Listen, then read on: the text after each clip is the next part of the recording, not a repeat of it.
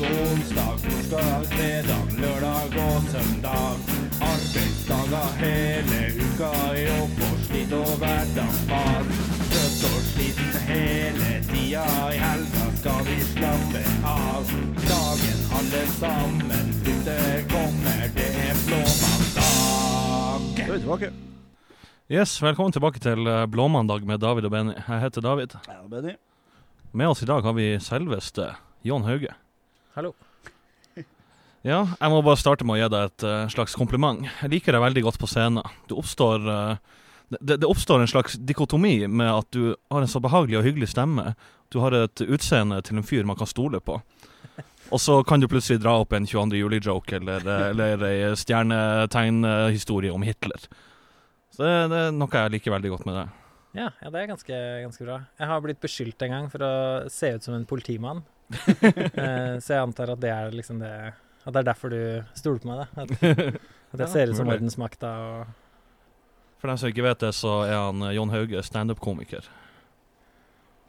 Ja. Så det er det jeg mener med på scenen. Ja. Men er, du, er det du som har ansvaret for Standup Tromsø akkurat nå? Ja, jeg er uh, Leder, diktator? Ja, daglig leder er vel kanskje riktig beskrivelse. Ja visst. Eh, ja, diktator er ikke eh, Jeg er en, en sånn snill diktator i så fall, da. Sånn eh, tidlig Gaddafi, liksom. Sånn eh, Han her tror vi at kan være kul. Sånn Ja. den type. Ja, jeg skulle jo gjerne bydd deg på ei øl, men eh, sånn som jeg forstår det, så, så drikker du ikke. Nei, nå har jeg jo eh, Jeg hadde vinterferie i forrige uke og drakk to, eh, to pils. Oi. Eh, på to forskjellige dager, da, selvfølgelig.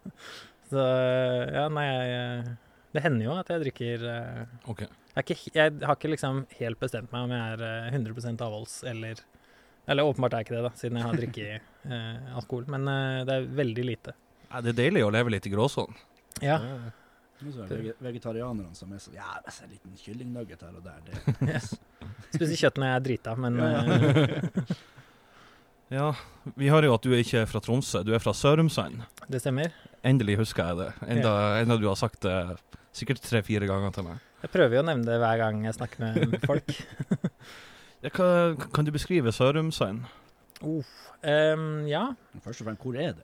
Sørumsand er en uh, historisk sett en gammel sånn tømmerfløte Uh, Et tømmerfløte tettsted langs Glomma. Så det er tre og en halv mil øst for Oslo. Eh, du kjører forbi Lillestrøm by, og så er det nå i Lillestrøm kommune, da, for det er slått sammen. Ja. Eh, så du kjører til Lillestrøm, og så videre til Fettsund, som også er sånn tømmersted. Og så er uh, Sørumsand da, eh, som seinere har blitt sånn industristed hvor de lager turbiner til eh, vannkraftverk og sånne ting. Um, eh, det var, Da jeg bodde der, så bodde vel en 3500 mennesker der. Nå tror jeg det bor fire-fem, jeg er litt usikker. Det er et ganske lite sted, og nå er det sånn um, eh, pendlested. Liksom. Hvis du jobber i Oslo, så kan du bo på Sørumsand og ta toget. da. Ja. Så det er liksom ikke så veldig mye der. Eh, selvfølgelig masse sånn kulturliv da, sånn her, som alle tettsteder må ha for å ikke skyte seg sjøl. Så må det være øvingslokale og et spel, Ja. og Sørumsanddagene og sånne ting. Mm. Ja. Jeg kan jo sammenligne det litt med Kroken. Altså, Kroken har vært 4000-5000 innbyggere, og jeg vet ikke om så mange arbeidsplasser i Kroken. De fleste pendler vel i hermetegn til, eh, til sentrum, eller noe sånt. Ja, jeg tror det er ganske Det er mer um... Eller skal vi sammenligne det med Ollevika? For Ollevika er 3,5 mil utenfor bygrensa. Jeg har dere sånne Oldervika-dager? Ikke nå lenger. Ikke nå lenger. Nei, Ollevika er så å si dødt. Det er dødt for meg, i hvert fall. Ja, veldig bra. Ja, hvordan havna du eh, i Tromsø, og hva fikk deg til å bli? Eh, det som skjedde, var at jeg, jeg begynte på Universitetet i Oslo å studere for å bli lærer. Og så eh, eh, var jo det rett etter videregående, så jeg bestemte meg for at nå når jeg skal ta pause.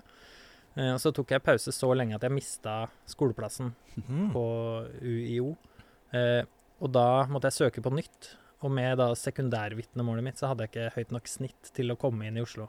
Nei. Så gadd jeg ikke å stå på venteliste, så da dro jeg til Tromsø i stedet. Eh, og så likte jeg meg veldig godt, eh, og var her på en måte i studiene. Og så fikk jeg en samboer eh, underveis i studiene, som på en måte var sånn første grunnen til at jeg blei værende, da. Eh, men det er jo en av de beste byene jeg kjenner til, da. Jeg har bodd i to.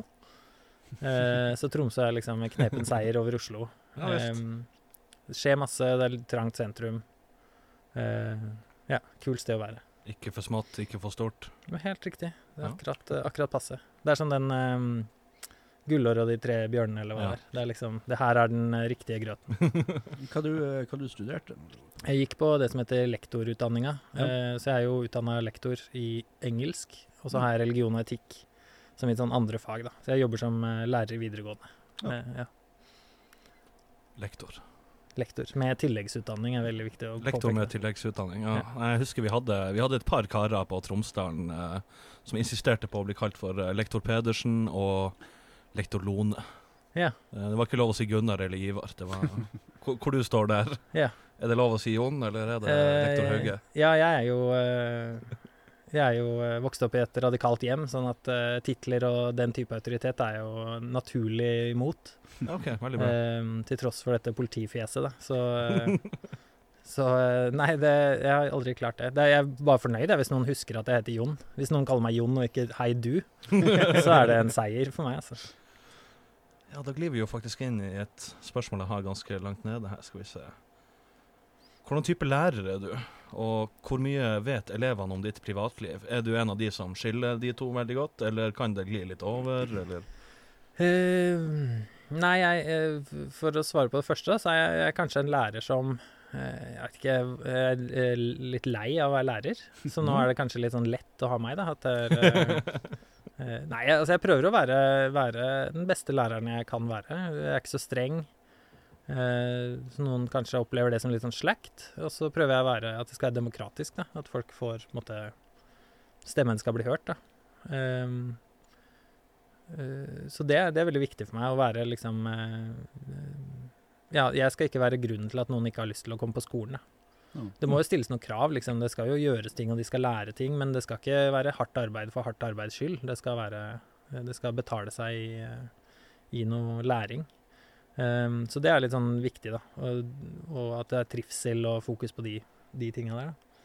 Ehm, og så håper jeg jo at eh, Og jeg har jo inntrykk av at i hvert fall noen eh, liker meg veldig godt, og, og jeg syns at det er fint og at jeg kan snakke med dem. Jeg håper jo på en måte alle i løpet av den tida de går på videregående, på en måte syns at det har vært eh, lærerikt og hyggelig å ha meg som lærer.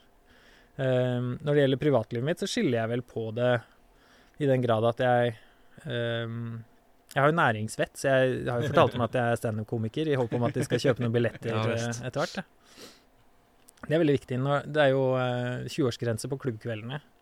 Eh, så det er jo litt sånn eh, Må jo liksom groome dem litt for det, da. Men, eh, men uh, humorrazzia er 18-årsgrense. Så hvis du hører Ja. på det her og er 18 år og har lyst til å se læreren din uh, fortelle vitser, så, så er det mulig å kjøpe billetter til det. da.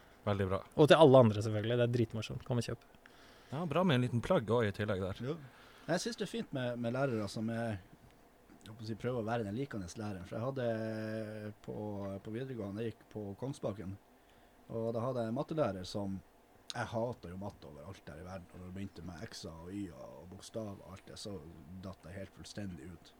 Gikk fra fire første året til to, eller så vidt to på andre året. Eneste grunnen til at jeg besto, det var for at jeg, jeg kom godt overens med mattelæreren. Brukte jo mesteparten av timene. Han gikk rundt og Ja, nei, jeg skal kjøre en X der, og det ti der, bla, bla, bla. Og så kommer han til meg og sier ja, har du hørt den nye Dimmy Borger-plata? Så jeg begynte å prate musikk i stedet. Så jeg Så i, i et ønske om å bonde med deg, så glemte dere x-ene og y-ene helt, da. ja, Ja. egentlig. Ja, det er jo eh, Ja, nei, det Nå jobber jo jeg på den skolen, da, sånn at uh, Ja. eh, Det er jo litt uh, Vi kan Jeg må- si hvem det er etterpå. ja. Klippet ut. Så ta bleep eh, navnet, navnet hans. Prøv å se eh, nærme. ja, nei, men det er, det er viktig, da. Du skal jo trives, liksom. Men du skal ikke Man skal lære òg. Ja. Vi hadde, vi hadde én lærer på videregående som eh, låste døra akkurat i det sekundet slo 09.00 eller 11.30 eller når en time starta. Ja. De låste døra. Var man fem sekunder for sein, så fikk man fravær. Ja. Det, Det, ja, det får en metode. Nei, det er jo altså, det er mange som har hatt gode resultater med sånn skikkelig streng sånn eh, oppmøteplikt. Jeg tror Lillestrøm videregående opererte med det, og det var noen avissaker om at de løste problemet med at folk kom fem minutter for seint. Mm. Så det er jo negativ forsterkning. Funker jo det. Det er jo liksom eh, Brent barn skyr ilden, eller noe Ja. sånt. Er ikke det det heter? Ja. Men så Ja, jeg vet da søren. Jeg syns det er litt sånn Men, men hvordan var det at jeg var ferdig på skolen før den fraværsgrensa det kom? Hvordan fungerte det, holdt på å si? Hvordan gikk det seg til? Nei, nå er det jo etter eh, sånn post-pandemi, så må vi jo lære det på nytt. Ehm, sånn at eh, ja, Det er litt sånn vanskelig. Og så er alle fastlegene skriver jo bare Du kan jo bare sende mail til legen din og si 'jeg var sjuk', og så eh, kopierer de det inn i et brevark med navnet sitt på, mm. og så er det greit, liksom. Så det er jo ikke noe ehm, Jeg hadde en del fravær da jeg var elev, ja. og jeg tror jeg skulle klart å ha det samme fraværet i dag uten problem, men jeg hadde bare hatt mer utgifter til fastlegen min, liksom. Så det er eh, Du kan være så mye borte som du har penger til å være borte, da. Og det er jo, da funker det ikke. Så det er jo bare Ja, det er dårlig det her, altså. Sende brev til, eller mail til legen, det ender, for min del så ender det alltid til inkasso. For jeg glemmer av å betale, og så er det ingen som sjekker jævla digipost. Så det er sånn, plutselig får jeg et brev i posten som du har fått en inkasso ifra den og den legen. Så sier jeg ja, faen, ja, ja, men da betaler vi den. Jeg var sikkert der, husker jo ikke det. Nei. Det tok lang tid mellom, mellom timen og til brevet kom at uh, du glemte bort. Ja. Nei, jeg har faktisk en uh, ubetalt legeregning hjemme sjøl, som jeg må huske. Jeg er veldig glad for at du sier det. Så ja, Det er veldig, bare veldig hyggelig. Ja, takk. For eksempel på legevakta. Jeg tror aldri det ikke har gått til inkasso. For at den betalingsmaskinen der, det, de må bare hengt en lapp over den, så er det sånn Du får faktura. Ja, Og så får jeg ikke den jævla fakturaen, og så går det til inkasso. det, det er maskinen sin feil. Ja. Det hører jeg. ja. Nei, skal vi tilbake inn på standupen? Hvor, lenge har du gjort standup? Jeg har eh, jeg sjekka på Jeg var på en sånn workshop i november 2021. Ja. Eh, så det var vel sikkert eh, i slutten av november da, 2021 som jeg debuterte på Humorazzia på Prelaten. Mm. Og så Ja, og så fikk jeg litt sånn Fikk noe klubbkveld rimelig kjapt etter det. Eh, også på Prelatene. Så jeg har jo stort sett vært der, da. Men uh, blitt litt, litt andre steder nå nylig, egentlig. Ja, for du var, du var jo i Oslo i vinterferien. Fikk du, fikk du gjort mye der? Fikk du networka noe? Det, Ja, jeg fikk uh, Jeg fikk uh, Jeg sto på Misfornøyelsesbar uh, i Storgata i, um, med intravenøs standup. Uh, Skjæra til de, for det er et utrolig fett sted. Hvis dere har muligheten å dra dit, så eh, anbefaler jeg det. Eh, plass til 30 stykker på, på loftet til eh, baren til Kristoffer Nilsen. Eh, kjempekult rom. Veldig lavterskel. Mye latter i rommet. Det var veldig bra. Så jeg sto der og gjorde ti minutter. eh, og networka litt på backstagen. Fikk snakka med litt folk og eh, fikk invitert dem til Tromsø. Og, så håper det blir noe ut av det, da. nice. For det. Men jeg syns det er vanskelig det der med å networke. Liksom, hva skal man si? Eh, Nei, for, Forrige gang du uh, snakka med meg om networking, eh, klarte jo jeg å drite meg ut foran han uh, Ahmed Mamov. Ja, det var ganske, det var ganske bra Bra greie der. Har du fortalt på Ja, jeg, gjorde, fortalte, eller? jeg fortalte hele den historien i sin helhet i Dag Sørås-episoden. Ja. For da, jeg, jeg hadde det så ferskt i minnet da, og, og jeg hadde akkurat sett den der Helsebrusjen. yeah. Der hvordan Dag var med, så da følte jeg det var naturlig å ta, ta det opp. Men Kristoffer Nilsen, altså broren til han uh, Jokke Ja. ja. Han har en, eh, en bar som eh, han, Eller starta vel med at han lagde noe som heter Misfornøyelsespark. Som skulle være en fornøyelsespark hvor man ble misfornøyd.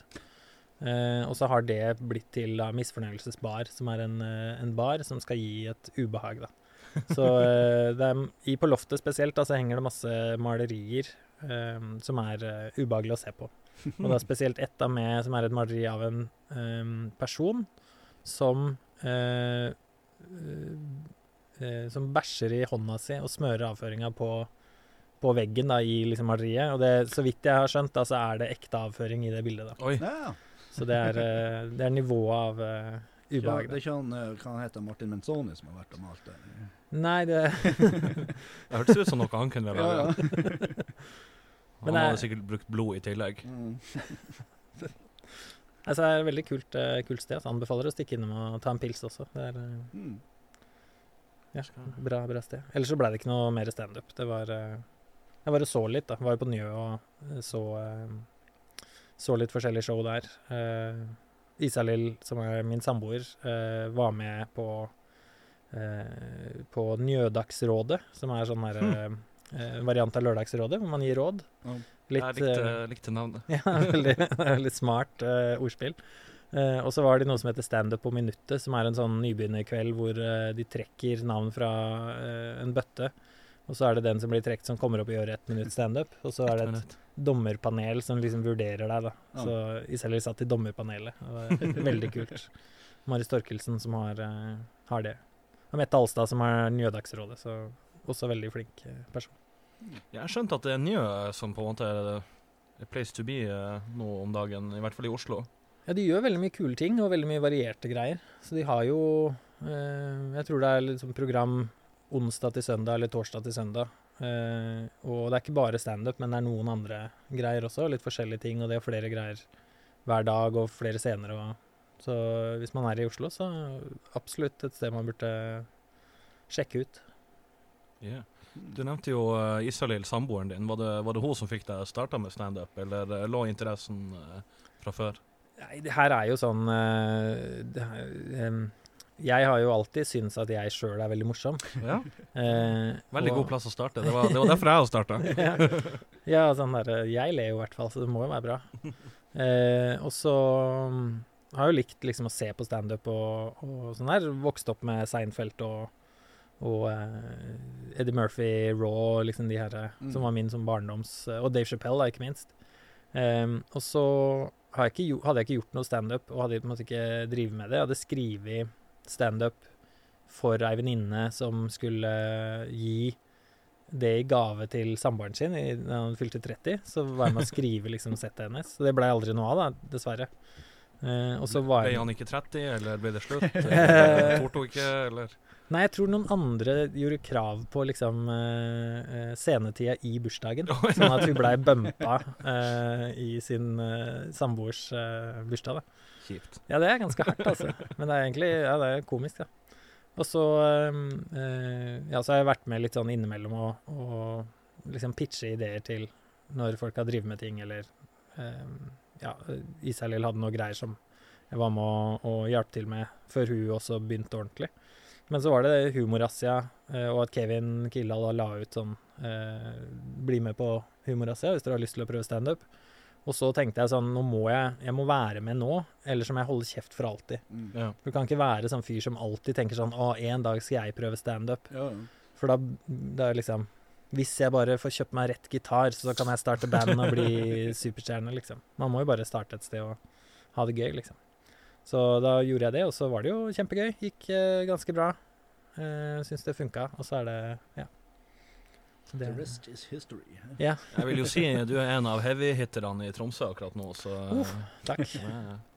Ja, det er, det er fint. Det er jo litt sånn eh, Vi er jo et lite miljø her, sånn at det er jo eh, Det er veldig fint, da. Og så er det noe med Jeg har jo sett ekstremt mye standup, som jeg føler er det jeg har lært mest av siden jeg begynte, er det å bare se andre folk stå og tenke litt sånn Hva er det de gjør som gjør at det her er så forferdelig morsomt, liksom. Mm. Um, så anbefaler alle som har lyst til å drive med standup, å bare konsumere det også som seer, da. Ikke bare skrive sjøl, liksom. Ja.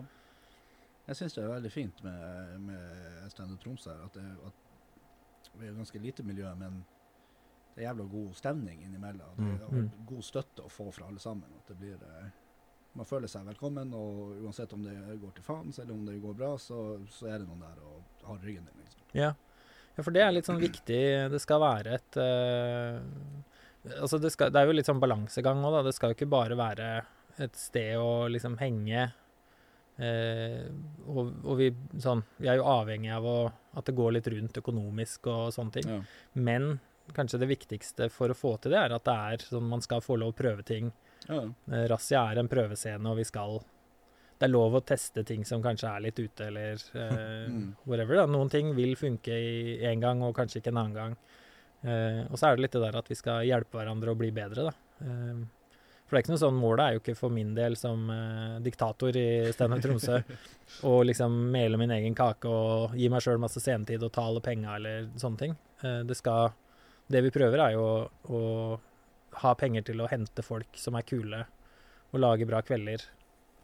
og gi en mulighet til å networke og kanskje sende folk steder og, Ja. og sånne ting. Da. Så det er jo sånn null eh, eh, Altså, vi, vi tar ikke ut noe lønn, noen av oss, da. Ja. Um, så vi vil liksom bare ha et sted hvor folk kan komme og, og stå, og at det blir bra på scenen, liksom. Det er, det er målet. Mm. Så det er jeg veldig glad for at du sier at det føles eh, hyggelig, for det er jo liksom, da kommer jo folk tilbake, og det er jo kjempe, kjempebra. Du skulle vært der, eh, du skulle vært der på forrige rass igjen. uh, for han nye, han Stian Sivertsgård. Jeg ble, jeg ble veldig positivt overraska over han. Ja. Så han må vi, han må vi groome og slå klørne i. Ja. Kan ikke miste han til noen andre. Ja, nei, men det er, eh, det er kjempebra. Nei, jeg er litt lei meg for det, altså. Det var, det var kjipt. Jeg hørte det var god stemning, så det eh, Mm. Nå har du jo nesten besvart på et uh, til spørsmål. Liker du å drive klubb? Hva er best, hva er verst? Nei, jeg liker uh, Jeg liker jo all scenetid, alle penga jeg får ut av det. det er, um, nei, det jeg kanskje liker best, er uh, bare å lære å gjøre en ny ting, organisere ting og liksom Det er jo sånn en slags produsentrolle uh, med å få booka folk og få henta de og få mye hjelp, og, og, og det er veldig fint, da. Og Prelaten er jo veldig eh, en god samarbeidspartner Ja. til å gjøre ting på en veldig enkel måte, og de har systemer, og alt er, alt er veldig greit. Um, det verste er vel liksom det herre um, presset av å føle og liksom å selge billetter. Mm. Eh, eh, nå har jo Tromsø, så vidt jeg har skjønt, det er ikke bare hos oss, da, flere steder, at folk venter til liksom dagen før eller samme dag før de liksom Ja, eh, det merker, vi jo på konserter også, at Ja. det, det ligger dårlig an med, med billettsalget, men dagen når konserten er, så er det plutselig stappende. nesten. Mm. Ja. Du selger sånn to-tre billetter om dagen Ja. til liksom akkurat uh, nest siste og siste dag, og da Mm. er det 20 om dagen, liksom. Ja. Eh, så det er litt Jeg får litt angst av det at uh, nå, er det, nå er vi konk, liksom. Eh, så det er kanskje det som er verst, da. Ellers er det jo ikke noe sånn Det er jo bare en, en bigeskjeft, liksom. Så det at det også tar masse tid og, eh, og krever masse orging og ting må falle på plass og sånn, det, det er kanskje det tyngste, men det er på en måte ikke ille i seg sjøl, da. Okay. Eh, det, og det blir jo lettere og lettere, antar jeg. ja. Hvis du får sjansen til å leve av standup, blir du å gjøre det? Oh, ja Eller jeg veit ikke. Det er jo Det krever jo at man for det første reiser veldig mye, eh, og så har et show som mange nok vil se, da. Eh, Mm. Og det hadde jo vært kult, liksom. Eh, eh, jeg skulle jo gjerne, liksom, hvis jeg kunne selge ut eh, et kulturhus, hadde jo vært jævlig fett. Eh, så jeg hadde jo altså Ja, jeg tror det absolutt kunne vært en karrierevei, ja. Eh, det er litt sånn eh, jeg, jeg er veldig rutineprega, liker veldig godt rutine, og det er veldig bra å være lærer. Hvis du liker at hver eneste dag er eh, helt identisk med den forrige. Um, så sånn sett er det kanskje sånn det, det skremmer meg litt å, å skulle ha en uh, frilanstilværelse. Det tror jeg kanskje ikke jeg Det måtte jeg vente meg til, da. Men, uh, men jeg skulle gjerne levd av uh, å gjøre det jeg syns er morsomst, liksom. Ja. Det høres jo ut som man må være glad i å gamble for å øh, For å få øh, Hva det heter For å få starta en sånn øh, type karriere. Mm. For jeg har jo hørt uh, sikkert i ti forskjellige komikerpodkaster at uh, Nei, nei, jeg tjente ikke ei krone de første årene. Jeg var under fattigdomsgrensa og alt sånn. Men så begynte det å ta seg opp. Så det er sånn Man gambler jo på en måte litt, for det, Mm. det er jo ikke alle som kommer seg over den kneiken. Det, det er jo sikkert mange som er på femte og sjette året med Nei, nei, jeg tjener ikke ei krone. Ja, og så er det litt sånn, eh, i hvert fall klubb, klubbkomikerlivet er jo ikke nødvendigvis så innbringende. At, eh, at eh, eh, Jeg har vært to turer i Oslo nå hvor Uh, I hvert fall den siste, så jeg, jeg har ikke spurt engang om det er sånn om jeg skal fakturere noe sted. Uh, og egentlig er jeg litt sånn Jeg burde kanskje gjøre det. I hvert fall finne ut om jeg kunne gjort det. kanskje Mm. smart. Uh, men også at det er litt sånn derre Det er ikke så mye penger i det, og, og i, sånn som nå skulle jeg på ferie uansett. Det var ikke noe Ja. ytterligere utgift, da. Mm. Eh, men det er jo fint når det er noe firmajobber og litt sånn der som genererer litt inntekt, i hvert fall. Så det må jo eh, Hvis det er balanse i regnskapet, så er det jo bra. Eh, men jeg tror mange som, eh, som grinder hardt og reiser mye og sånn, kommer til å få igjen det når de blir kjent nok til å da kunne selge ut f.eks. et eh, kulturhus eller eh, få firmajobber Mm. i sekssifra lønn-klassen, da. Ja. Men jeg er ikke der, da. Nei da. Du, øh, Jeg har trua på det. Ja, takk. Ja. Hvordan musikk liker du? For uh, jeg husker ikke nøyaktig når det var, men han Truls Nordby Der fikk vi gitt han eh, hans, eh, hans shout-out. Vi, vi nevner han Truls Nordby så å si hver episode. Ja, Eh, Sørås. Ja, vi nevnte han ikke under Dag Sørås-episoden. Nei, han eh, eh, Når jeg og Truls satte oss ned og prata litt om standup, uh, så sa han sånn Ja, han Jon, ja. ja det, det er han Jon som driver der. Han, han var jo dritmye på konserter før i tida. Uh, stemmer det? Hva, hva du og se på alt av konserter på uh... Jeg er ikke alt av konserter, tror jeg, men jeg var på ganske mye eh, en periode.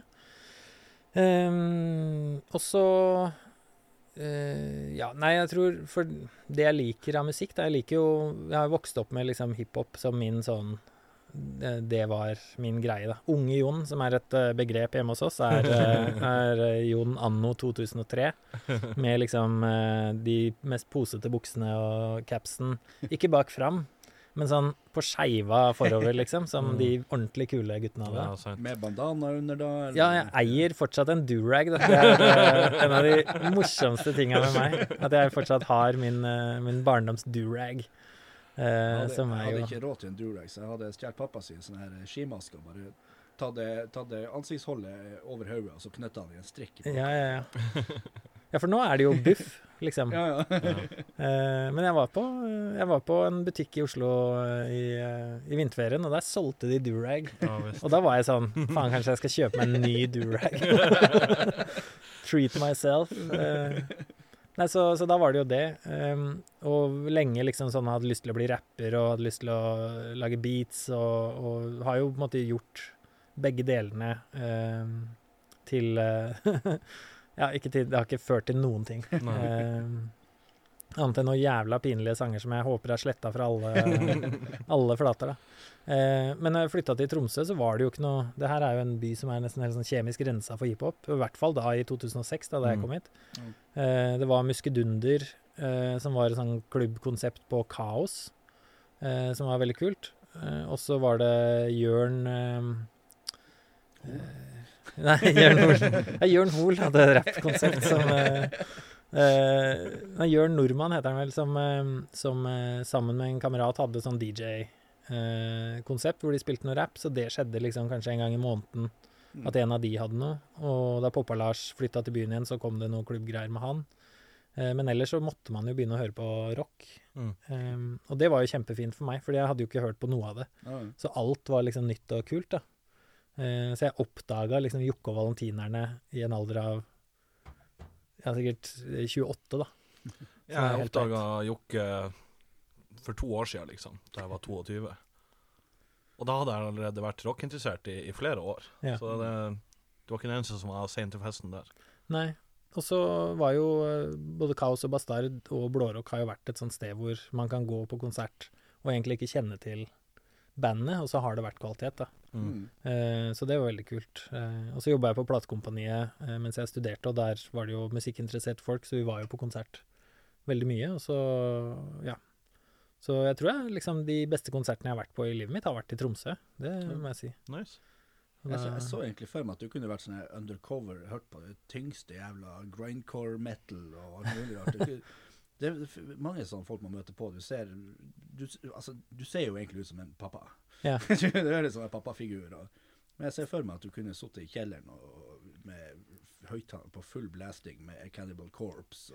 Ja, nei, jeg er nok ikke helt der. eh, eh, det, det blir litt for slitsomt for meg. Men, eh, men The Good, The Bad and The Sugly er liksom mitt absolutte yndlingsband. Mm. Så det er Det går ganske høyt. du Når skal det, på Bukta i år. Ja, altså jeg må jo det. Eh, Det er jo Jeg veit ikke hvordan det er å se de med lyset på, da. Altså det er noe med å eh, Det blir spesielt. Men jeg må jo, må jo prøve på det. Kan du fortelle litt om Jons band? Ja. Eh, Jons band er Tromsøs best bevarte hemmelighet. Eh, det er Da jeg jobba på platekompaniet, så jobba jeg med en som heter Karsten Weseth, som er en fantastisk fyr. Og vi hadde lyst til å starte band, for han hadde kjøpt seg gitar. Eh, og så hadde jeg en bass, eh, og så hadde vi lyst til å starte band. Og da fikk vi med eh, som heter Ellen på trommer. Eh, og så skaffa vi oss øvingslokale på universitetet. Og der er det sånn at du måtte skrive deg opp. Du måtte søke, liksom, og så når du ble ledig, så fikk du stå i kø, og så fikk du, fikk du tilgang, liksom. Og da måtte jeg skrive opp navnet på bandet på et skjema, og så hadde vi ikke et navn ennå. Fordi vi hadde lyst til å hete Lolocost, eh, men så var eh, Jeg var ikke med på det fordi at jeg hadde lyst til å liksom kunne fortelle mora mi navnet på bandet, og så syntes jeg det var upassende. Eh, så jeg skrev bare ned Jons band. Eh, og så når den blei hengt opp, så sto det på øvingslokalet, så sto det Jons band. Og da sa Karsten ja, men det er det vi heter. Ja, Så da blei det Jons band. enkelt og greit. Og vi spilte sånn eh, ganske enkel punk eh, fordi vi ikke klarte å spille coverlåter. så vi måtte skrive våre egne låter. Så det, det er liksom nivået. Vi spilte én konsert, og så bytta vi eh, medlemmer uh, to ganger, da. Ellen gikk ut. Uh, og så kom ei som heter Ida inn. Og så kom en som heter Andreas inn, og da bytta jeg og Andreas, og han spilte bass, og jeg spilte trommer, da. Så den siste, siste versjonen var Karsten, Andreas og Jon. Eh, og da Karsten på gitar, Andreas på bass og meg på trommer. Det, det, det nivået de, du beskrev der, eh, har jeg aldri hørt om. Jeg trodde jo det laveste nivået var vi er ikke gode nok til å lage egne låter, derfor spiller vi coverlåter. Men dere var ikke gode nok til å gjøre coverlåter, så dere måtte skrive egne. Det, det er et nytt nivå jeg ikke har hørt om. Ja, det er hemmelig unlocked achievement. Det, eh, vi klarte å spille litt coverlåter, så vi spilte eh, sånn Ramones uh, Blitzkrieg eh, Bop, er det den heter? Mm. Eh, den spilte vi.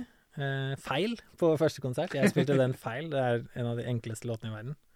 Eh, og så drev vi og spilte mm, den herre Miley Cyrus-sangen 'Party in the USA'. Spilte vi liksom en sånn Vi klarte ikke å spille For den er, det er noe temposkifte eller et eller annet der, så det klarte vi ikke, da. Men vi klarte å spille lite grann. Uh, men ellers så var det sanger om uh, sånn herre uh, ung mann-angst, da. Eh, ikke klare å sjekke på byen og gå hjem full og Ung mann, angst. Det, det er jo en bit waiting to happen der. Ja, men det er eh, Jeg tror det er ganske sånn eh, gjenkjennelsesfaktor eh, som student. Å prøve å beskrive følelsen av å ikke få ligge på byen, da. Mm. Eh, for det er jo Det er ikke alle som er gode til det, liksom. Nei.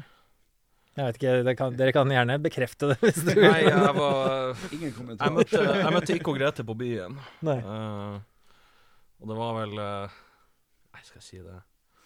Ja, jeg kan, fuck it, jeg kan si det. Altså, før jeg møtte Grete, samboeren min, for dem som ikke vet det, så var det snakk om eh, Det. Om to år eh, siden forrige gang eh, Siden forrige gang det hadde skjedd noe med, med han Davidsen her. Så Nei, jeg var ikke noe konge på byen, for å si det sånn. Men jeg har alltid, alltid vært veldig overraska og litt sånn perpleks av folk som er sånn I dag skal jeg finne meg dame på byen, liksom. Mm. Og som tror at de har noe Altså, hva er det de kan, da, som jeg ikke kan? Jeg har liksom aldri skjønt det. Jeg regner med at man bare dro dit, og så sto man der og var synlig, til en kvinne var liksom hyggelig nok til å peke på deg og si 'han', og så var det greit, liksom. Men jeg bare jeg aldri Jeg føler aldri at jeg har gjort noe som noe hvor jeg tenkte sjøl sånn Ja, dette er attraktivt, dette skjønner jeg at de vil ha. Jeg har alltid vært overraska over dem som har sagt ja. Så det sånn Mener du det, eller Ja. det, her er prank? Hvor er kameraene? Ja. Ja, det at du sier ja, det får meg til å føle at du har drikket for mye, og da, dermed er dette uetisk. Det er liksom, det er ikke, det er ikke bra. Jeg har jo, jeg prøvd, da jeg var singel, så prøvde jeg meg jo noen få ganger med Gikk bort til ei jente og sier sånn 'Hallais, får jeg spandere øl på deg?' Så jeg sa 'Jeg har kjæreste'. Så jeg sa ja, ha det, ha det godt. Ja, hadde jeg vært jente og noen kom og spanderte meg øl selv om jeg hadde type, så hadde jeg sagt ja, selvfølgelig, vær så god. Ta det gjerne. Ja, men der, der kommer jo igjen denne debatten om uh, hva, hva de heter, de der uh, De som hadde den studentbedriften uh, i Oslo. Girls Just Want To Have Fun. Nei. Sunshine Sunshine-kollektivet. Har dere hørt om det? Nei. Å ja. Nei, jeg, jeg kan ikke noe om det til å snakke om det. Men, men de, de, lag, de lagde et arrangement, i hvert fall.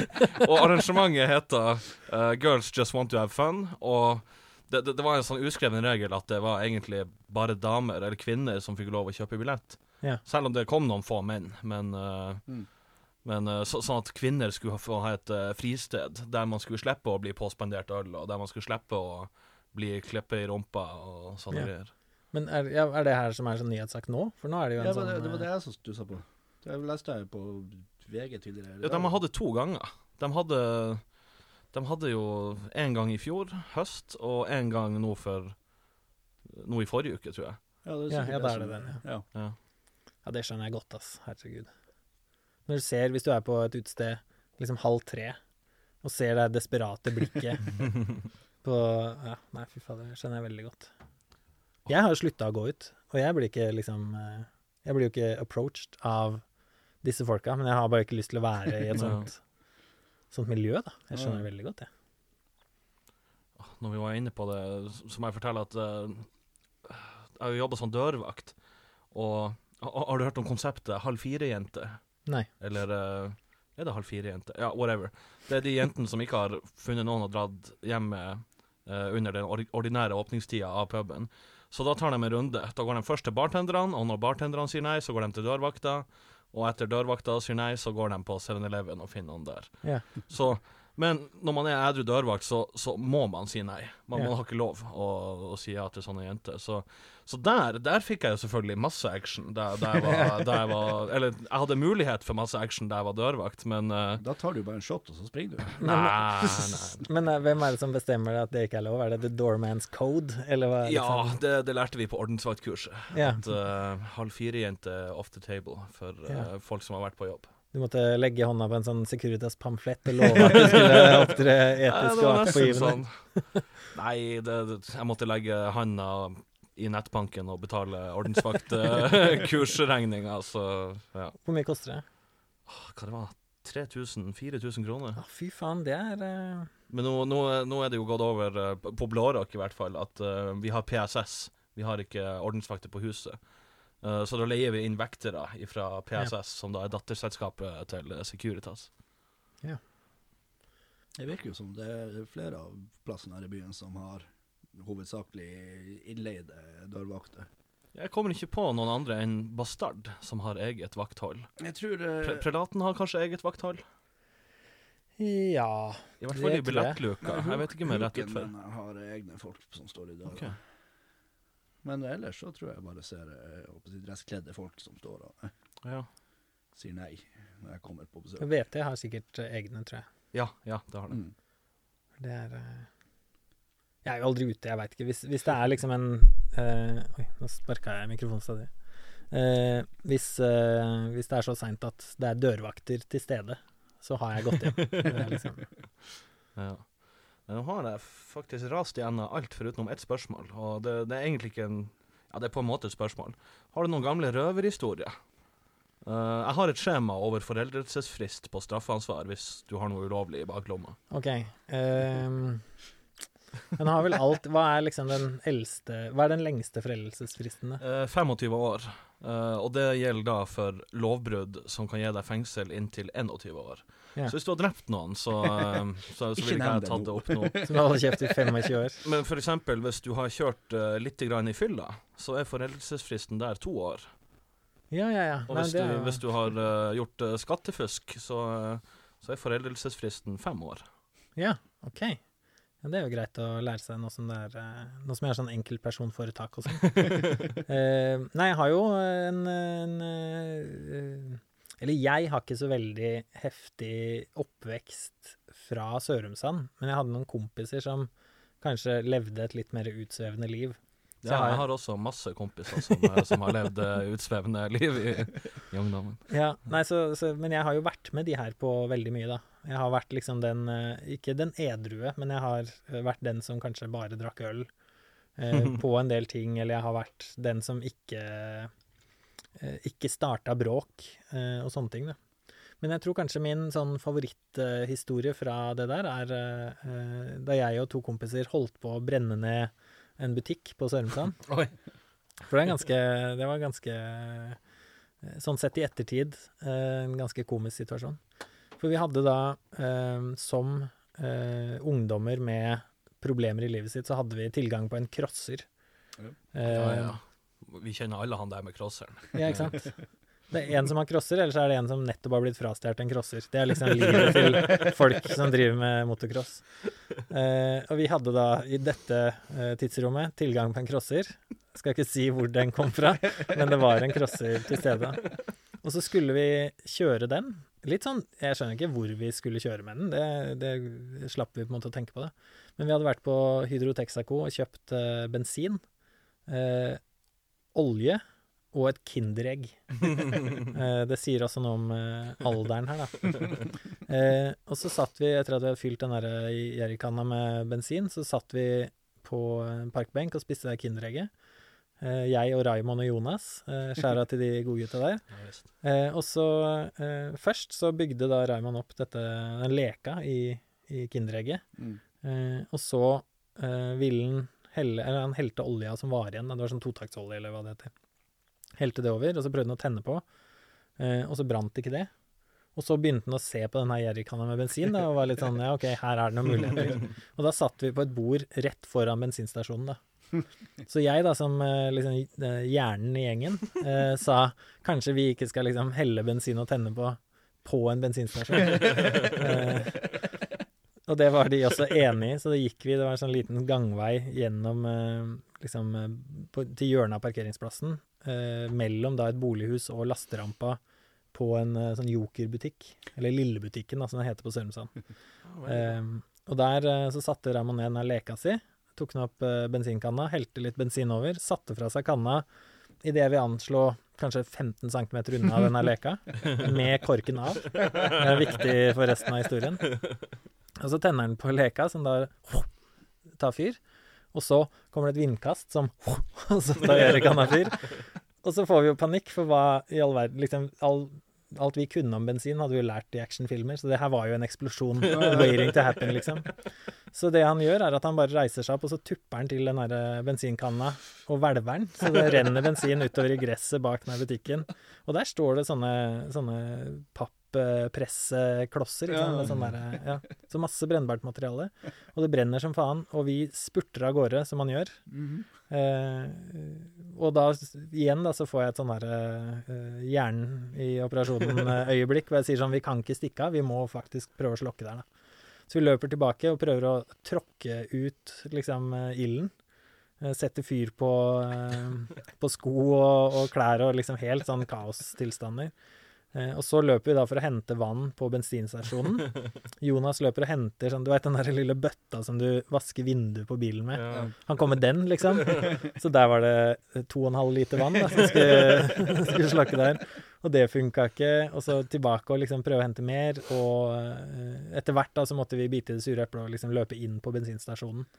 Og, eh, og eh, si fra da til han som jobba der at liksom Det brenner, hjelp oss.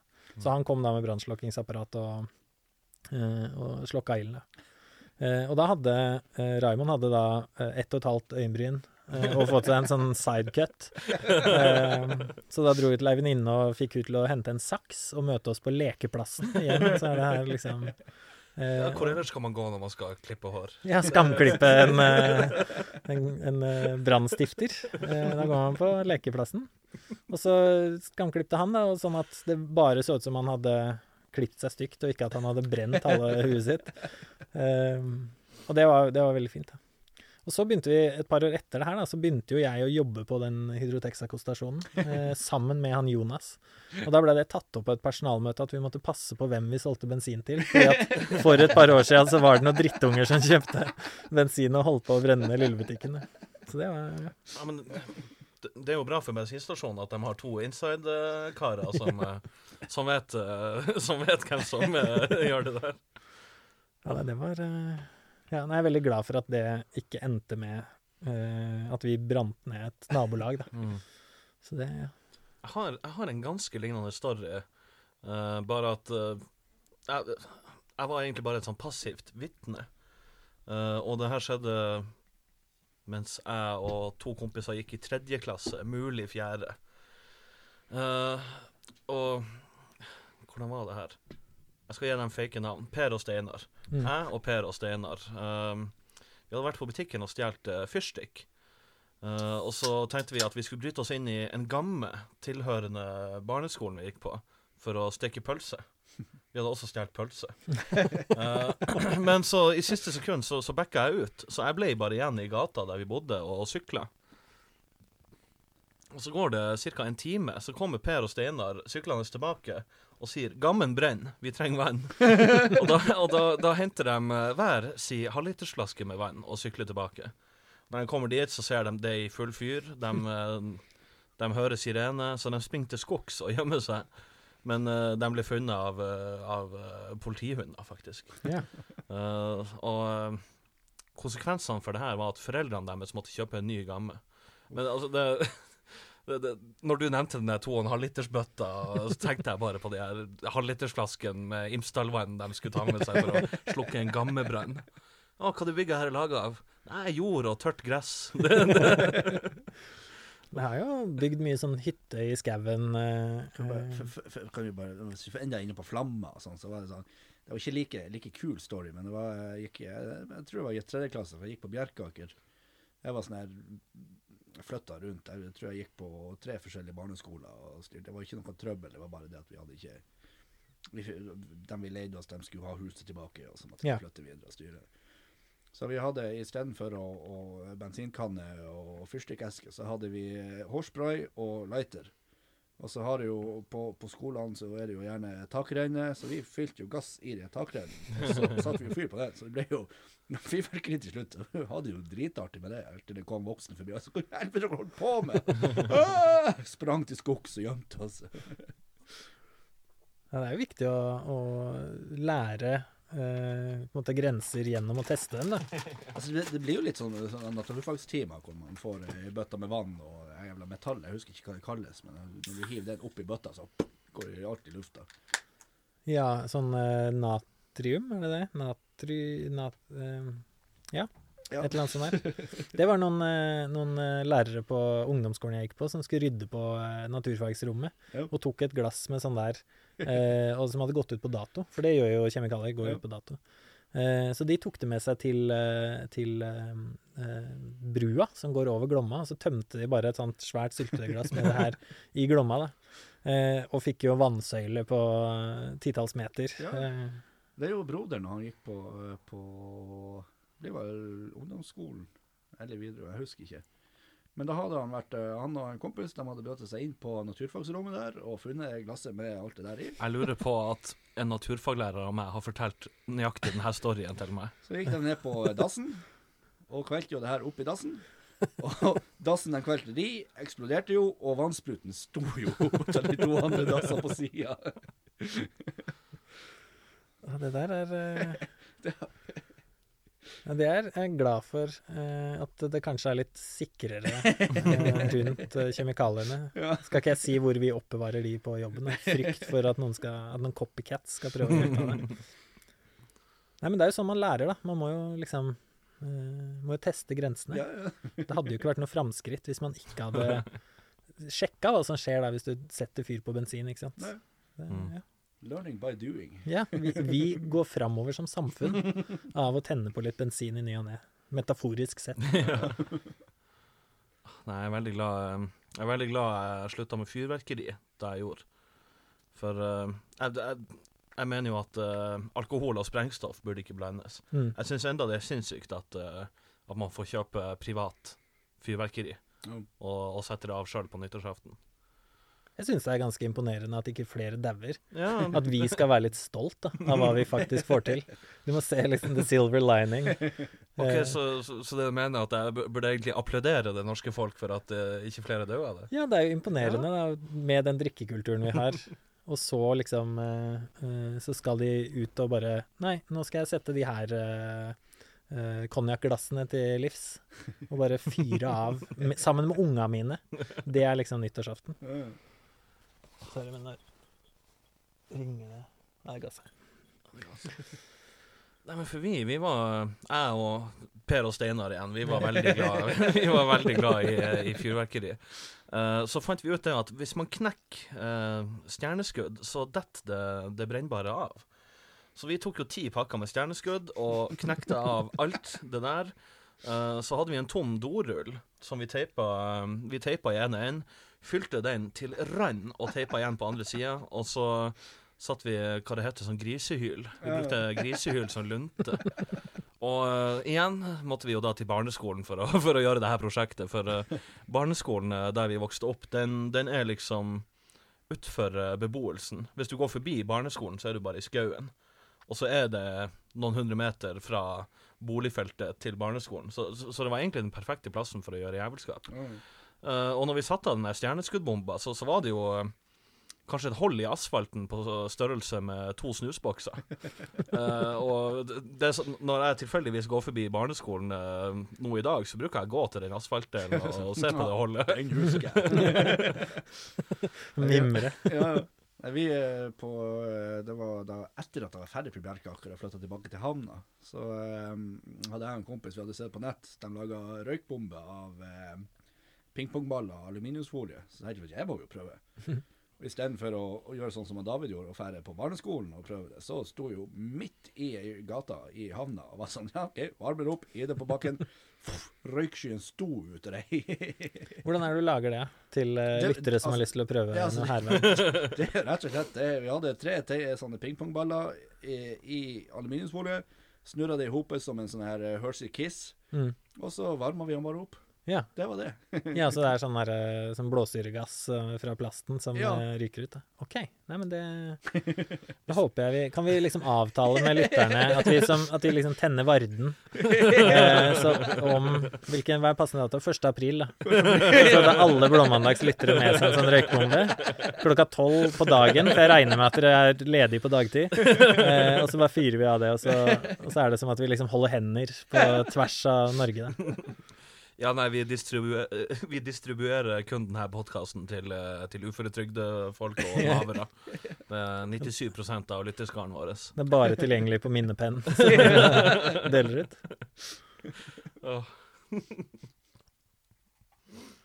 Nei, vi må, jeg tror vi må flytte den datoen, for da er jeg i Los Angeles. Så jeg må, jeg må jo være med meg, få det med meg. Har de ikke pingpongballer i Los Angeles, eller? Jo, de har jo det, men det er jo tidssoner, vet du. Og så har de, har de LAPD, så de blir skutt Ja, hvis de gjør det. Så det er og kanskje blir, og blir, blir du ikke skutt, så får du vel 20 år i spjeldet. Ja, ja.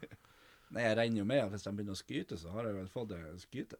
De Skyte? Piu, piu, de begynner å skyte. Nei, jeg regner jo med at jeg får tildelt pistol når jeg kommer til eh, customskontrollen her på, på flyplassen. At, eh, velkommen til USA. Her har du, her har du en gunner og uh, en random bandana i forskjellige farger.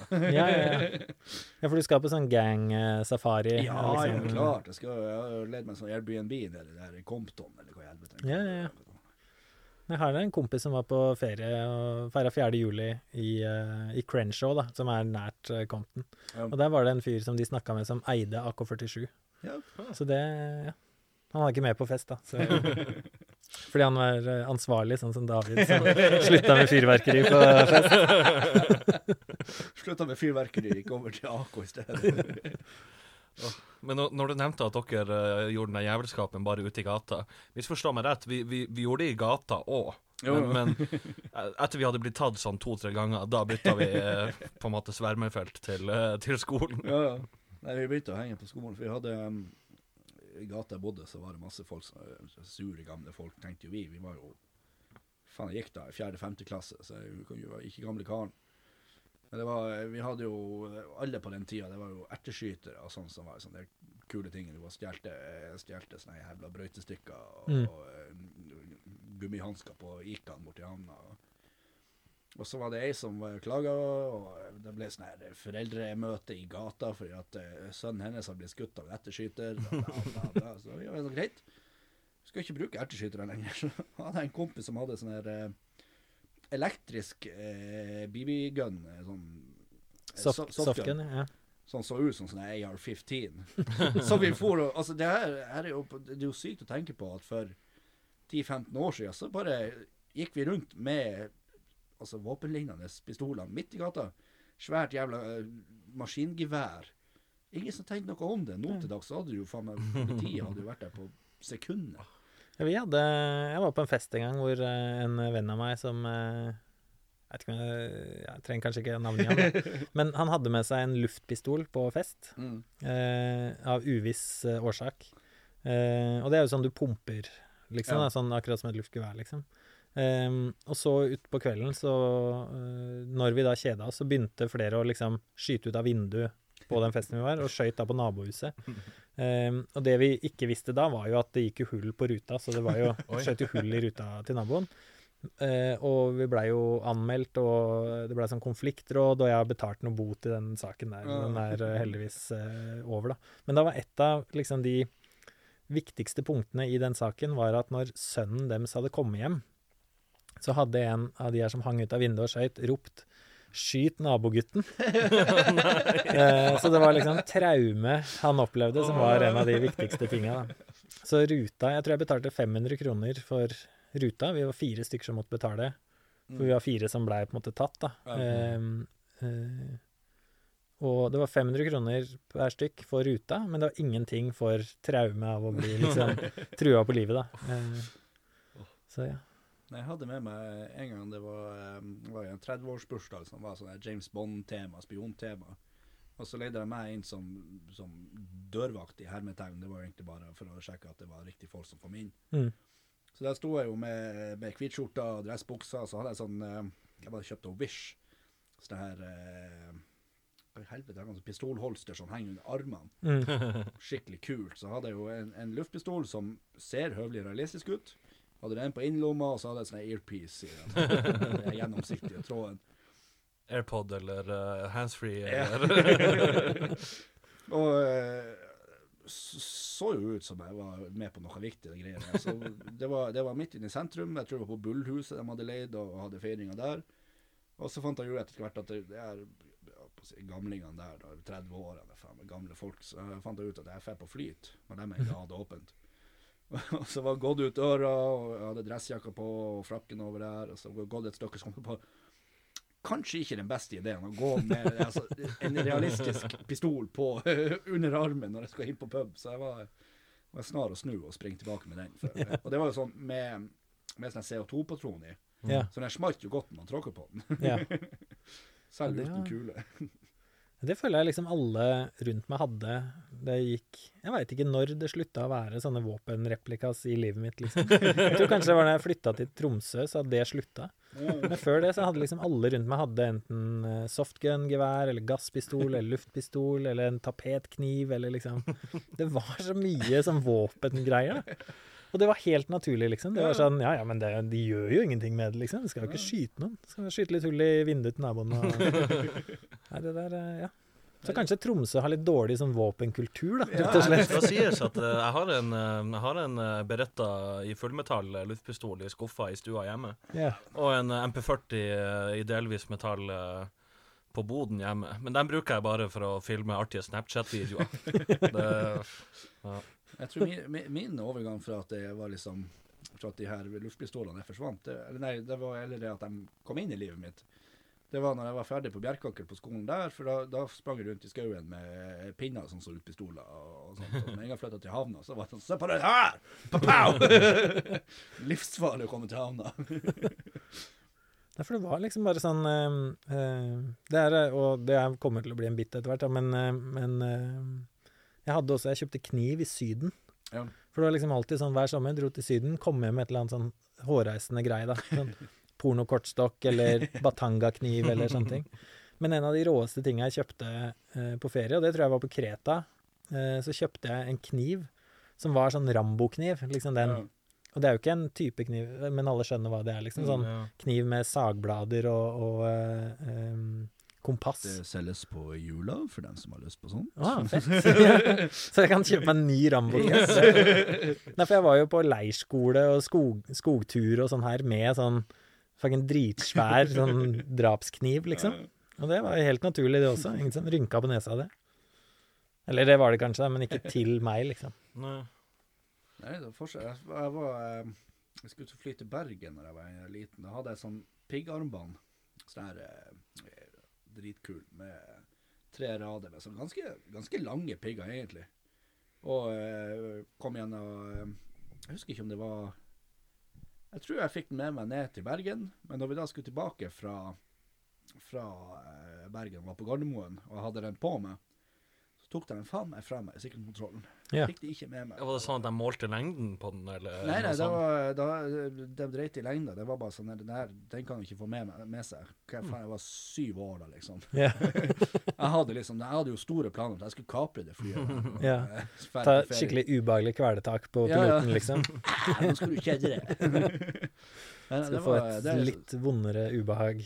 Ja, det, det tror jeg er fly, flyturen jeg husker best fra barndommen min, det var da jeg tok fra meg det jævla armbåndet. Ja. Når du nevnte eh, krimskrams man, kan, man får kjøpt i Syden, så mitt beste kjøp i Syden, det var en lighter. Men den produserte ikke en flamme. Det kom en liten plastpenis ut av den. det, og jeg husker i, i ukevis etter jeg kom hjem, så gikk jeg bort til andre på skolen og sa 'Skal du ha fyr?' Trykka jeg på den lighteren, så kom det bare en liten penis opp. Men uh, så ble jeg jo kjent som han der med penislighteren. Så Det svingte feil vei for deg, liksom. Ja. Ja, det er, eh, ja, det er viktig, viktig å kjøpe suvenirer. Altså. Jeg syns Tromsø kanskje har litt dårlige suvenirer, sånn sett, av hva jeg ser i vinduet. liksom. Lite penislightere og, og kniver. Ja, det er jo kniver, da, men ikke sånne Stort, stort sett troll og, Ja. Og det norske flagg. Og, Ja, vi må ha flere nunchakoer, batangakniver Jeg bare, jeg synes Der kan vi gjøre mer, da. Ja. Pappa, pappa var ti centimeter unna å inkapasitere meg på en butikk i Syden. Om det var Gran Canaria eller Kreta eller Bulgaria, det har ingenting å si. Men han, han gikk bort og, og så en sånn en stun gun, eller en, en taser.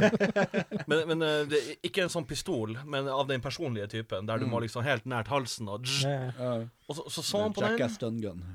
Hæ? Sånn Jackass stun gun. Ja, ja, og så, og så så han på den, og, og så sånn 'David, kom hit.' Så, se på den her. Og så tråkka han på den, og så kom det og, så, og, og det kom jo så ordentlig sånn knitrete smell ifra ham. Og, og han, eh, han eieren, eller eh, han som var på jobb på den butikken, han kom springende bort og røkka den fra han og, og, og skulle kreve bot for at han hadde på en måte avfyrt den i butikken. Men vi gikk bare, og det, gikk bra. Herregud. Kunne jo kunne gått riktig så ille. Ja, det var det veldig mange som hadde rundt i min omgangskrets. Stangen. Stungun og pepperspray og. Vi fikk jo fri fra skolen en dag fordi eh, mine kompiser eh, Eller det, de ble jo ikke tatt, så det kan jo ha vært hvem som helst. Men de fyrte av noen sånn CS-patroner i gangen på ungdomsskolen. Og da fikk vi tre timer fri, ja. Jævla digg. Så takk til René og Jan Erik. Kult gjort. Vi slapp unna, ungdomsskolen en gang. Det var noen som heve, hadde hevet en sånn stinkbombe inni i luftanlegget på skolen. Ja.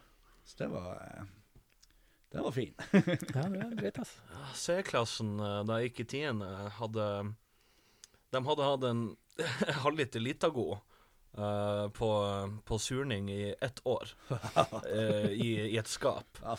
Og så skulle, de, eh, så skulle de helle det i vasken uh, etterpå, og det var jo 100% klumpete mugg.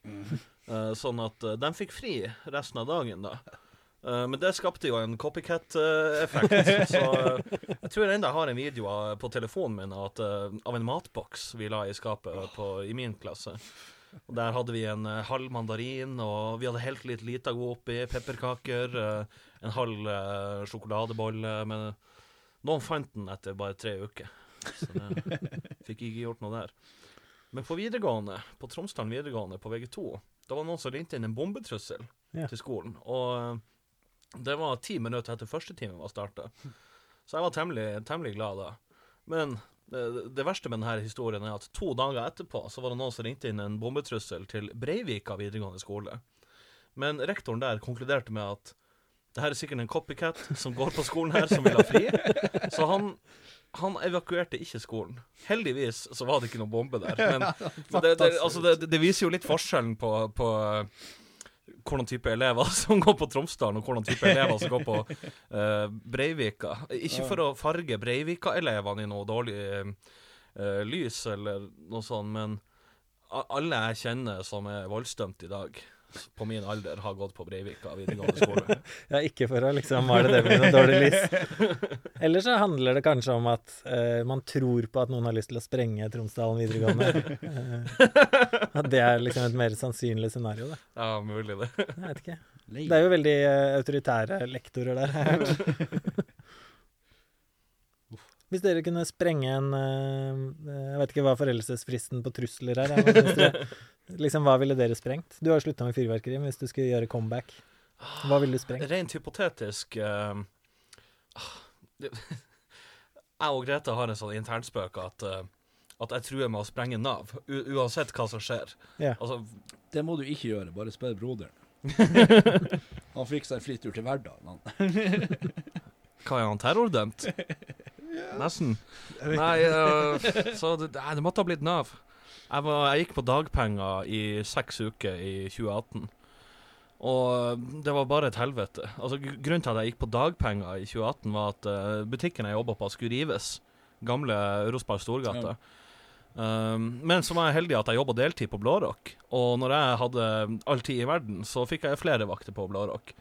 Uh, så jeg fikk ei utbetaling på 2000 kroner, og etter seks uker med 50% jobb, så bestemte Nav seg for å kutte dagpengene mine. Mm.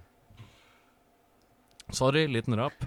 Uh, for dem, altså, I det brevet jeg fikk, så var det sånn Vi ser at du over en seks ukers periode har uh, hatt en stilling på 50% eller mer, og vi har derfor vedtatt å uh, avslutte ditt uh, dagpengevedtak, eller et eller annet sånt. Og jeg sa, sånn Come on! Jeg, jeg jobba 120-130 før jeg, før jeg slutta på Storgata. Nå jobber jeg 50. Gi meg noe penger, for faen! uh, så jeg hadde, jeg hadde sprengt Rent hypotetisk så hadde jeg sprengt Nav. Dette er et underholdningsprogram og burde ikke tas seriøst. Jeg har teknisk sett allerede sprengt det jeg hadde lyst til å sprenge. For jeg hadde Nav? Nei, ikke noe. Jeg gikk på, når jeg gikk på Langnes, så, um, så hadde jeg jævla mye fritid. Så jeg bygde Lang, La- Langnes i Minecraft. Hele skolen. Og fylte jo da hele driten med TNT og fyrte av. Ja. Ah, det er sånn starten Det er sånn trigger-hendelsen, triggerhendelsen, liksom, i starten på en sånn der eh, Ja. lone wolf, uh, homegrown terrorist. Ja. Jeg er veldig, veldig glad for at det gikk bra med deg. Og nå kom jeg på en businessidé. Vi eh, kan jo lage et VR-spill om skoleskyting. Og markedsføre det til potensielle skoleskytere i USA. Sånn, som for å få Nå må, ikke, utløp. nå må ikke du snakke stygt om USA. Nå skal jeg dit om to uker, så jeg må ikke, hvis de plutselig begynner er å google meg det- og finne frem Ja, så, Det er jo ingen der som kan norsk. Nei, men de har jo Google Translate. Ja, de har sånn chat-GPT. Jeg hadde jo, jeg hadde jo tenkt å, å skrive Jeg delte klubbkvelden som jeg skal gjøre neste torsdag. Så, eh, eller nå torsdag. Det kommer alt an på hvor jeg går ut. Så, så, 23. mars. Ja.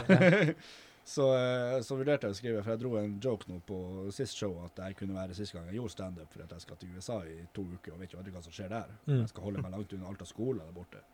Så jeg vurderte jo å skrive det i, i Facebook-innlegget jeg delte, men så tenkte jeg at hvis de nå plutselig skulle finne ut og google meg, og får oversatt den der, så hadde jo plutselig blitt terrormistenkt i, i, i, i customskontrollen. Eh, Men jeg har hørt det at, eh, at eh, når man gjør sånn innreise eh, En sånn questionnaire Jeg vet ikke hva det blir på norsk. ESA, ja, men du må fylle ut sånn ESA-søknad som, hvor du må svare på masse spørsmål. Ja, og, og der, Er du terrorist? Nei, har du en sammenheng med terrorisme? Ja, men, men der er det i hvert fall et frivillig felt. Der man kan gi handlene sine til Twitter, Instagram, Ja, ja. Snapchat, Altså, Facebook. den har jeg fylt inn for lenge siden. Jeg, Ah, ja, tenkt på den når jeg møter på dem i sikkerhetskontrollen hvis de begynner å bli stengt sånn. For jeg har, Ja, jo sånn, sant. jeg har jo fått beskjed fra, fra, fra en kunde på jobb som fikk litt dårlig service, og ble kalt en Frp-stemmer på måten jeg så ut, og at han var litt mørkere i huden enn det jeg var. Jeg har også blitt kalt Frp-stemmer når jeg ringte politiet på en fyr som prøvde å pisse på meg på Blårock. Og derfor stemte jeg Frp. Han var riktignok mørk i huden, og jeg kalte han for Nei da. Eh, Han, han, var, han var mørkhuda, og jeg sa bare bli der du, ikke stikk av, jeg ringer snuten. Det her anmelder jeg. Hæ, tror du jeg skal stikke av? Hæ? Se på den her fyren, han stemmer Frp, jeg lover det. Jeg sa, åh, come on. Men det må jo være Eller jeg føler det er en veldig stor fornærmelse for en hvit person som ikke er rasist, å bli beskyldt for å være rasist. Ja, så gjør det at du aldri kan stemme Frp. Da. Du kan, hvis du er eh, Hvis du liksom får sånn liberalistholdninger og har lyst til å starte egen bedrift, men syns skatt er eh, problematisk, liksom, eh, så kan du nå liksom aldri gi han rett, da. Nei, det er det. Det er jo det som er jævla kjipt. ikke sant? Han begrenser din demokrat, ditt demokratiske spillerom. Ja. Det er jævla kjipt gjort. I tillegg til å pisse på deg, da. Han traff meg heldigvis ikke. Nei. Men, uh, men hva du hadde sprengt? Sånn, sånn rent Rent hypotetisk. hypotetisk. Nei, jeg veit ikke. Jeg, hadde, jeg, jeg tror ikke det er liksom hva, da, at det er litt mer reisen. Jeg hadde jo sprengt meg sjøl, da. Det er jo kanskje det første jeg hadde gjort. At jeg hadde, uansett hva det hadde vært, så hadde jeg gjort det som en selvmordsbomber, bare for å liksom oppleve det. um, Ja, crosse det av uh, bucketlisten. ja, at det er kanskje At det er liksom veien er målet-type greier. Så jeg vet ikke. Jeg er eh, Ja, det er- Strikkhopp, hopp i fallskjerm, selvmordsbombing. Ja, det er liksom av alle ting. Eh, Nei, jeg, jeg veit ikke. Altså, det er jo jævla dust av meg å stille det spørsmålet og ikke ha noe godt svar. Bare kan dere sitte der og Jeg har også tenkt å reise til USA snart, så jeg skal Uh, Nei, jeg, jeg tror ikke Jeg har ikke noe sånn Jeg skylder ikke noe penger. Uh, jeg, har ikke, jeg har ikke vært i Nav-systemet. Jeg hadde gode skoleopplevelser. Eh, og så er det jo litt sånn derre Hadde det vært en bro mellom Ja, kanskje det. Det hadde sprengt liksom brua over Glomma. Sånn at det er vanskeligere for folk fra Aurskog-Høland å komme til Sørumsand. Bare av prinsipp. Sånn, jeg er jo aldri der, jeg kjenner ingen nesten Eller jeg kjenner et par som bor på Sørumsand, kjenner ingen i Aurskog-Høland. Men bare som en, et signal til dem at sånn The feud is, uh, is uh, alive. Det tror jeg kanskje jeg hadde gjort. Eller kanskje det hadde vært smartere å sprengt noe på Aurskog-Høland, men jeg veit ikke hva Jeg tror ikke de har noen ting. Det er også veldig gøy for de som hører på det her, som sikkert har et veldig godt forhold til både Sørumsand og Aurskog-Høland. Eh, Begge de stedene er veldig sånn klart at de kan se det for seg, men eh, ja. Nei, faen, det var artig det her. Ja. Hva er, mm, har vi noe mer? Vi har jo eh, Jeg gjør som nevnt eh, Lamia Jon, så har vi eh, klubbkveld den 23. mars. mm. Jævlig gøy. På Prelaten På prelaten. med Nora Svenningsen som headliner. Blir jævlig bra. Jeg gleder meg. Det er, takk for eh, invitasjonen. Jo, bare jeg hyggelig. gleder meg det. Ja, men det er vel fortjent, Benny. Du har levert veldig bra på, uh, i min mening, på to humorer siden hittil. Ja. Ja, så har vi jo, så har vi jo den engelske standup-kvelden 31. mars på Antmanns. Ja. Der skal jeg gjøre standup, du, Jon, skal gjøre standup. Yes. Julian Early, Vishal Joneja, Vain Rundhaug, Lukas Müller, Grete Strimp. Dæven, hvis jeg glemmer én person her nå, de blir de å føle seg jævlig utafor. Men jeg tror det var dem. Skal han Fredrik på den? Nei, han er bortreist. Vi, vi snakka om det i helga. Men generelt så kan vi jo si at uh, folk må uh, konsumere kultur i Tromsø by. Ja. Det er viktig. Og- Ikke bare for min angstfølelse, men, eh, men for at det skal være, være noe her for folk som ikke er turister. Ja. Ja. Så det er viktig å bruke tilbudene. Så det er det jo også Vi slipper jo plate en 7. april med, som heter 'Klovner i amp' med Trang Hanske. Og så har vi releasekonsert uka etterpå, den 14. april. Så det anbefales også å komme på. ja. Så slipper vi singel eh, 17., er det det? Ja. Men denne episoden slippes uansett etter singelen. Ja. Så hvis du har hørt på singelen, så er det bare å eh, høre mer på. Ja. Og det, det jeg skulle si med, med Standup Tromsø og Humorrazzia Humorrazzia-billettene er jo 100 spenn. Altså det, det, du- har ikke råd å ikke dra. Det, altså, du, du sparer så mye penger på, på å dra på Humorrazzia. Ja. Ta deg, ei ekstra pils hjemme, så er du good. ja. Ja. Slutt å drikke, så kan du gå på alt. ja. Faen, sparer så mye penger. Men nei, ikke slutt å drikke. Kjøp dritmye på Prelaten. Eh, ha et godt forhold. Kjøp fyrverkeri på vei hjem. Ta bare Smell deg mot hvilken som helst institusjon som har wrong you. Bare Lev livet ditt, mann. Lev livet, for Faen. Og hvis du skal eksperimentere med å tenne på bensin, gjør det før du er fylt 15. For eh, Åh, OK, kjapp anekdote. um, um, I i vennegjengen min da jeg var liten, så var det han Steinar Eller han heter jo ikke Steinar, men det var han Steinar som hadde bursdag senest på året. Så i 2013, når vi begynte å fylle 15 alle mann, på sommeren, så ble vi enige om at ble vi tatt for noe av det her, skulle vi pinne alt på Steinar, siden han bare var 14.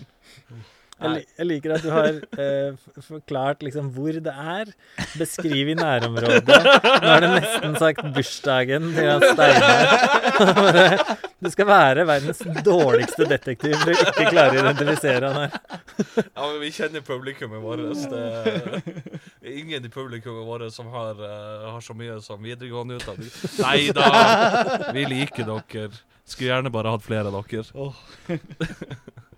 Nei, men jeg tror vi runder av der. eh. Ja visst. Jeg holder på å pisse meg ut, så jeg må Takk for at du møtte opp, Jon. Ja, det var kjempehyggelig. Tusen takk for invitasjonen. Yeah.